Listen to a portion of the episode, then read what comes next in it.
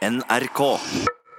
Er det ikke rart hvordan et menneske kan være åpen, vennlige, smilende og sosiale den ene dagen, men neste dag er de irriterte, uhøflige, bjeffete og vemmelige? Og vi andre må gå rundt og gjette på hva utgave som kommer, og forholde oss til det som kommer uansett.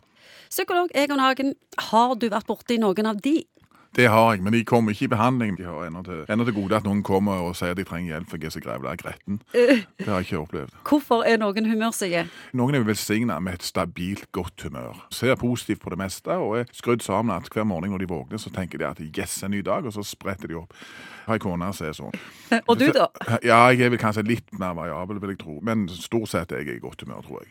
Men, men det som er problematisk tror jeg, for oss, det er at hvis identiteten din og måten du er på i forhold til andre, er veldig variabel, så greier ikke folk helt å plassere deg. Og du går fra å være en hyggelig kompis den ene dagen til transure og jævlige den neste dagen. Og det skaper usikkerhet. Ordet syk er jo i, i det. Ja, ja, akkurat. Så i en sosial sammenheng, tror jeg, så er det å være veldig variabel og ikke greie å ta hånd om hvordan du virker på andre. Drit i hva du føler, men det er liksom det som kommer ut, som er det viktigste i forhold til andre.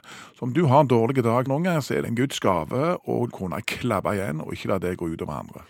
Hva er årsaken til at noen tillater seg å spre den oppførselen mens de er f.eks. på jobb? Ja, nå, ofte tror jeg at eldre vi blir, jo flinkere er vi tror jeg, til å containe og modellere disse følelsesmessige uttrykkene vi har. Det er et tegn på det å begynne å bli voksen. At alt det du føler på innsiden, ikke nødvendigvis kommer ut. Jeg vil nok si at humørsyken det ser du kanskje større liksom i ungdomstid, og så, og så blir dette litt avflata jo eldre vi blir. Sier du at det handler om hormoner og umodenhet å være humørsyk? Ja, hormoner, det, det tør jeg nesten aldri snakke om. Men da, jeg tror det handler litt om alder. Og så er det jo stort sett sånn at de fleste av oss opplever jo at hvis du er veldig variabel og gretten, og dette kommer ut, så har det betydning i forhold til det folk egentlig syns om deg. Folk trekker seg unna. Skal du være med på en hyttetur ei, ei uke med, Jeg gidder ikke reise med noen humørsyke. Nei, sant? det gjør du bare én gang der, så sklir vedkommende ut til venstre, for det gidder du ikke. Jeg tror det å være litt humørsyk, det, det viktigste er hvis noen kan speile deg litt på det. At det der syns vi basically er litt trøttende, at du skal komme og være gretten. Si går om det. Har vi gjort noe, eller har jeg gjort noe som gjør at du syns det er greit å være så transur som det du faktisk er?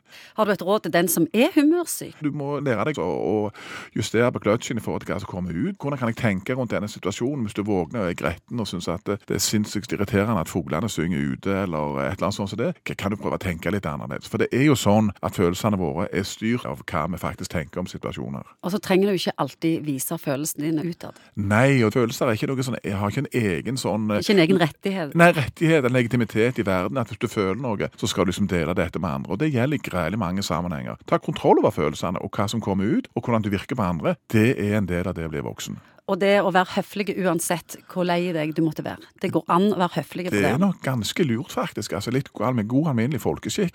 Sånn at det ikke er dine problemer eller eh, interne svingninger som går ut over andre og gjør andres dag dårlige. Jeg har til og med sagt det til folk også, som i en jobbsammenheng som er sånn som det er. Si du er på arbeid, sier jeg. Det er liksom noen formelle krav til hvordan du kan være. Du er ikke hjemme. Følelsene dine trumfer ikke høflighet. Det gjør det ikke. Absolutt ikke. Godt sagt, Ingvild. NRK.